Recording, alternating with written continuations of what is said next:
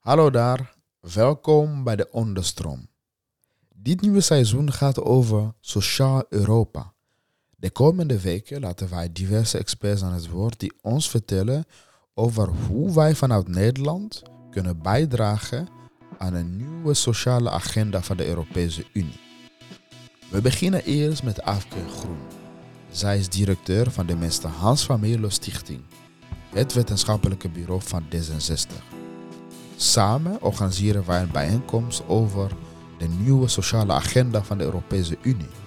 Maar voordat wij in de komende afleveringen en tijdens de bijeenkomst de materie induiken, in deze introducerende aflevering brengen wij jou langs de basis. Wat is precies Sociaal Europa en waarom is het nu relevant om na te denken over een nieuwe sociale agenda van de Europese Unie? Nederland is rijk aan ideeën over hoe de samenleving duurzamer, inclusiever en rechtvaardig kan.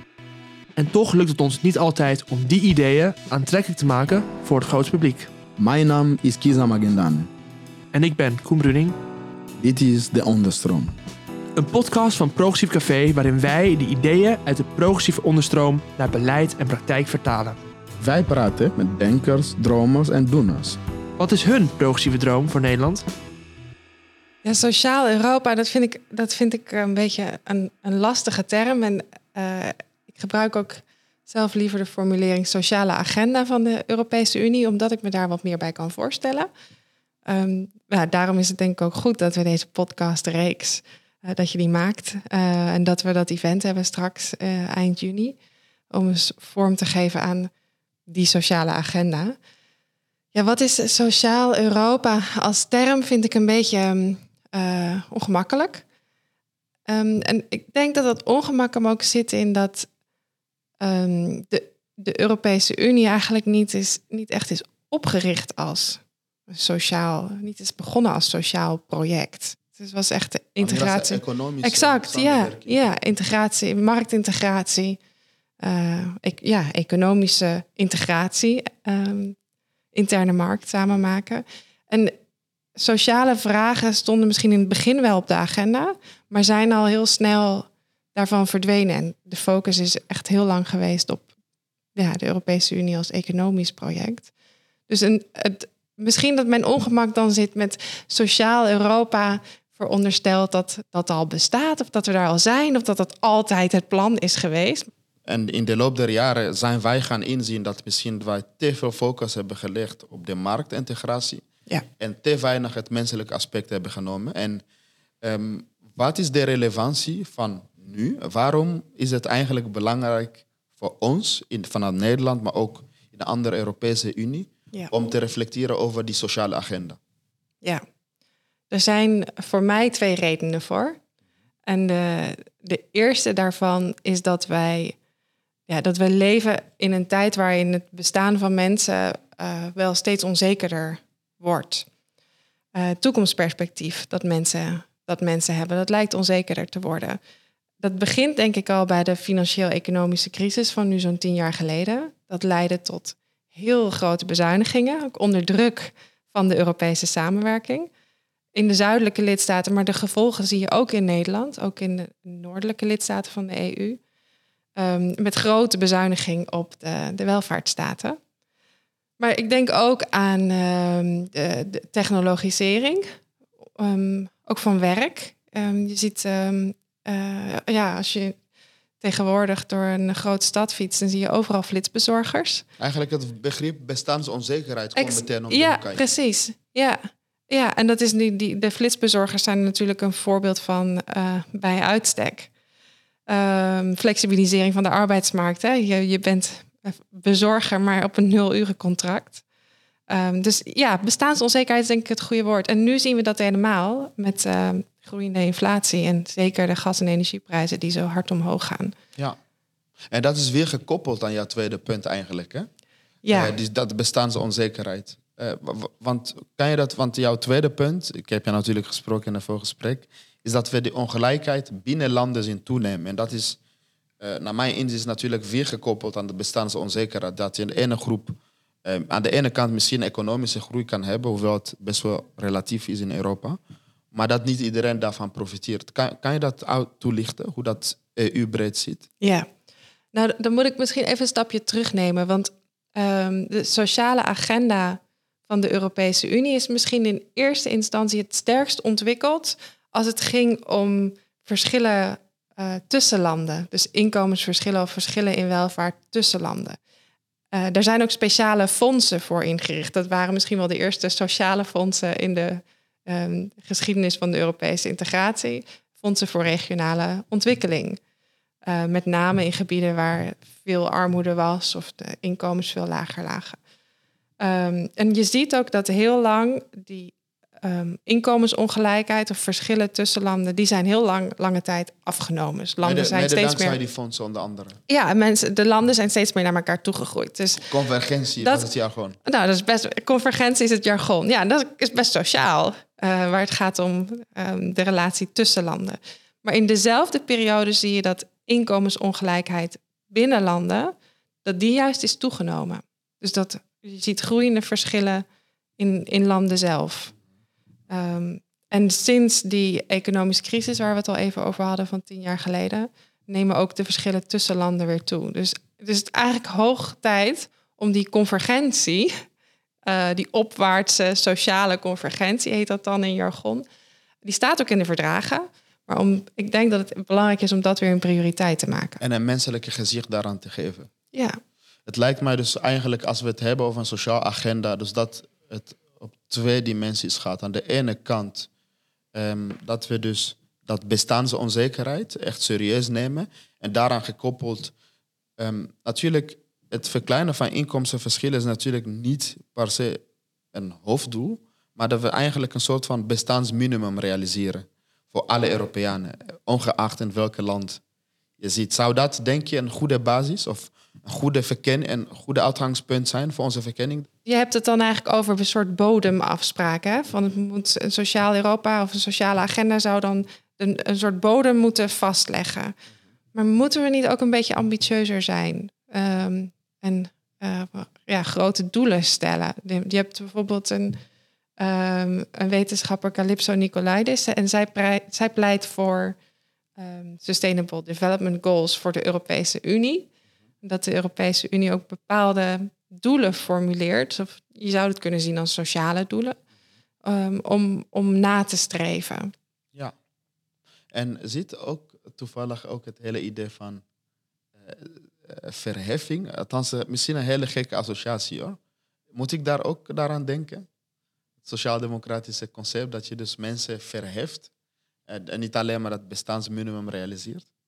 Zodat het gaat om eh, emancipatie en dat je je eigen Ja, ambitie als Europeaan kan verwezenlijken. ja, dat zeg je eigenlijk wel mooi. En dat, en dat verheffingsideaal zit ook wel een beetje in het sociaal liberalisme. Maar dat is En de goed. Dat sociaaldemocraten. Ja, de sociaaldemocraten en sociaal-liberalen hebben ook wel een lange tijd een, een gemeenschappelijke geschiedenis.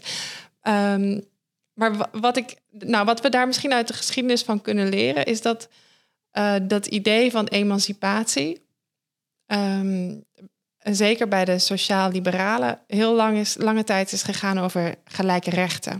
En het begon eigenlijk met de eh, strijd voor eh, het vrouwenkiesrecht, onder meer. Ehm, eh, later ook strijd voor gelijk loon. Maar dat is heel lang op allerlei vlakken gegaan over het hebben van gelijke rechten. De European Pillar of Social Rights gaat ook over rechten.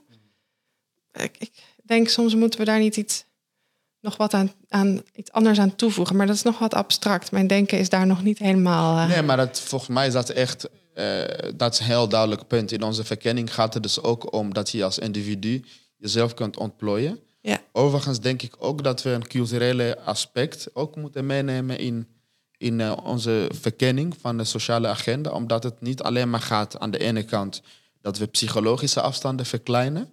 Maar dat we dus ook die rijke geschiedenis van Europa, eh, die diversiteit, eh, Ja. die al eeuwen uit, met elkaar uitwisselt en elkaar verrijkt, dat we die ook weer prominent een plek geven. ja. Je ziet dat, dat in de reflectie over politiek, over sociale politiek, dat het te veel gaat om centen en rechten inderdaad. Maar helaas, eh, dat er te weinig wordt uitgeput uit, uit die rijke culturele traditie. En dat dat eigenlijk voorbehouden wordt voor de eigenlijke elite. Dus ik ben benieuwd of wij vanuit de politiek echt een agenda kunnen ontwikkelen. Ik wil niet pleiten voor een massacultuur of een Europese. We hebben al een songfestival, uh, Eurovision. Maar ik denk dat dat ook een belangrijke opdracht uh, ja. zou moeten zijn. Je raakt eigenlijk aan een van de centrale dilemma's die we denk ik in deze zoektochten steeds zullen tegenkomen. De vraag, um, wat is hier in de rol van de Europese Unie? En in hoeverre wil je echt gemeenschappelijke regels? Wil je allemaal...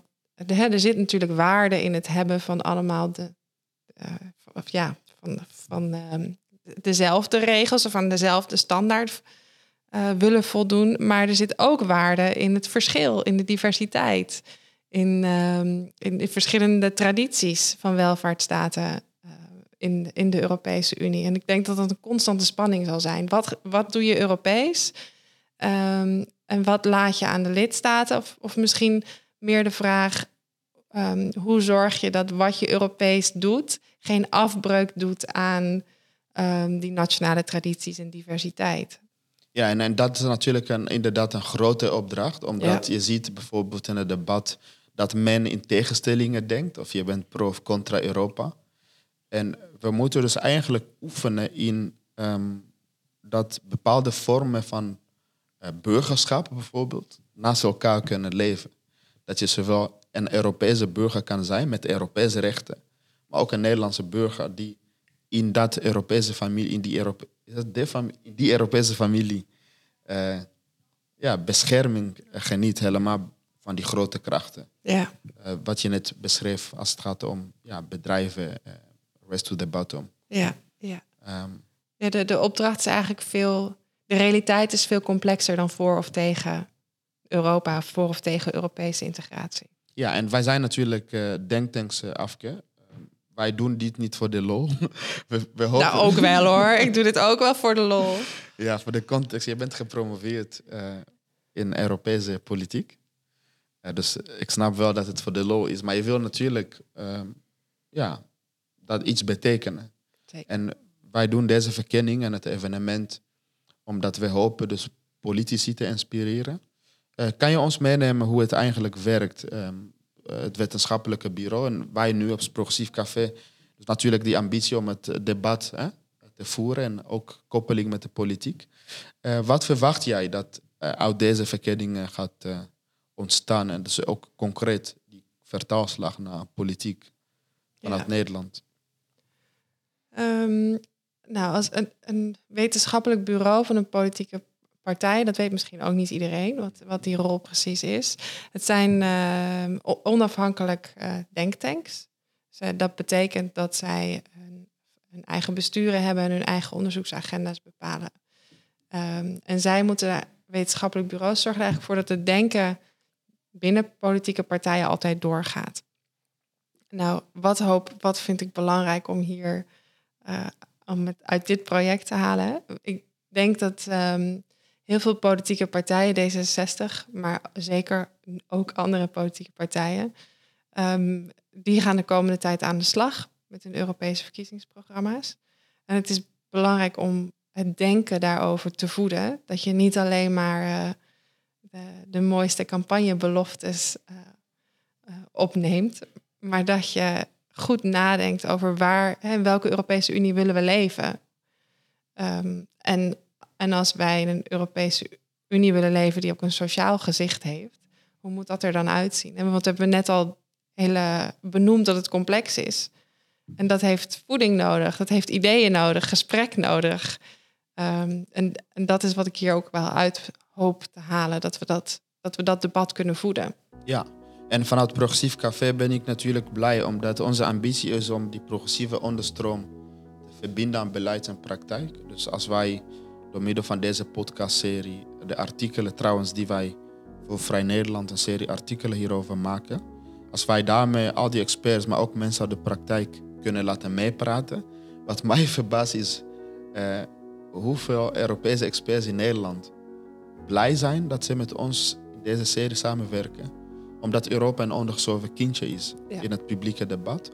Als wij op die manier ehm, ja, aandacht aan kunnen besteden en die koppeling natuurlijk nu hopelijk met D66 en andere progressieve partijen, eh, dan, dan is mijn missie eh, geslaagd. Eh, maar ik ben nou blij dat, dat wij deze grote opdracht aangaan. Ja, we hebben dat Europa-debat in Nederland echt heel hard nodig. Ehm, dat zag je ook tijdens de vorige nationale verkiezingen, dat het weer geen belangrijk onderwerp was op de agenda. En, en er gebeurt van alles in de Europese Unie. En als we het daar niet over hebben, dan denken mensen ook, nou, komt weer wat uit Brussel. Eh, Ja. Zomaar over Nederland uitgestort. Maar wij zijn de Europese Unie. Dus dat debat is zo belangrijk. Precies. En belangrijk natuurlijk is dat wij de ambitie hebben om de luisteraar en mensen die deze serie en het evenement gaan eh, bezoeken op 27 juni, willen uitnodigen om bij te dragen aan de sociale agenda. Eh, heb je nog laatste reflecties, eh Afke? Nee, ik heb er zin in. En ik, eh, ik- heb heel veel zin om al die podcasts eh, te gaan luisteren en te horen wat alle eh, wetenschappers en kennis en eh, experts daarover eh, te Ja. zeggen hebben. Want bij iedere aflevering gaan we eigenlijk lessen destilleren. En op die manier een basis leggen voor die grote verkenning over de sociale agenda. Gaan we doen. Thanks, Afke. Je hoort dit, beste luisteraar. De komende weken hoor je in deze serie diverse experts die ons vertellen hoe wij vanuit Nederland kunnen bijdragen aan een nieuwe sociale agenda voor de Europese Unie.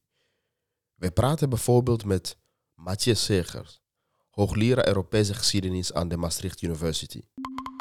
dat we bij al die grote beleidsprogramma's niet vergeten dat het uiteindelijk gaat om het leven van mensen en niet om de vitaliteit van de markt. Ja. En eh, dat het die volgorde moet zijn. We praten ook met Sonja Becker, universitair hoofddocent Europese recht aan Universiteit Utrecht. Dus er zijn heel veel lagen, bestuurslagen, dus we noemen dat soms ook wel multilevel governance, die belangrijk zijn in het vormgeven van werk. En de EU is daar maar een klein onderdeeltje van. En we praten met schrijver Thomas Hutinga en vele anderen. Wil jij mee praten over hoe wij vanuit Nederland kunnen bijdragen aan een nieuwe sociale agenda voor Europa? Kom dan op 27 juni naar Pakhuis de Zwijger in Amsterdam. Zie de link in de show notes om je aan te melden. Abonneer je ook op deze podcast om meer afleveringen de komende weken te ontvangen. Tot dan en dank voor het luisteren.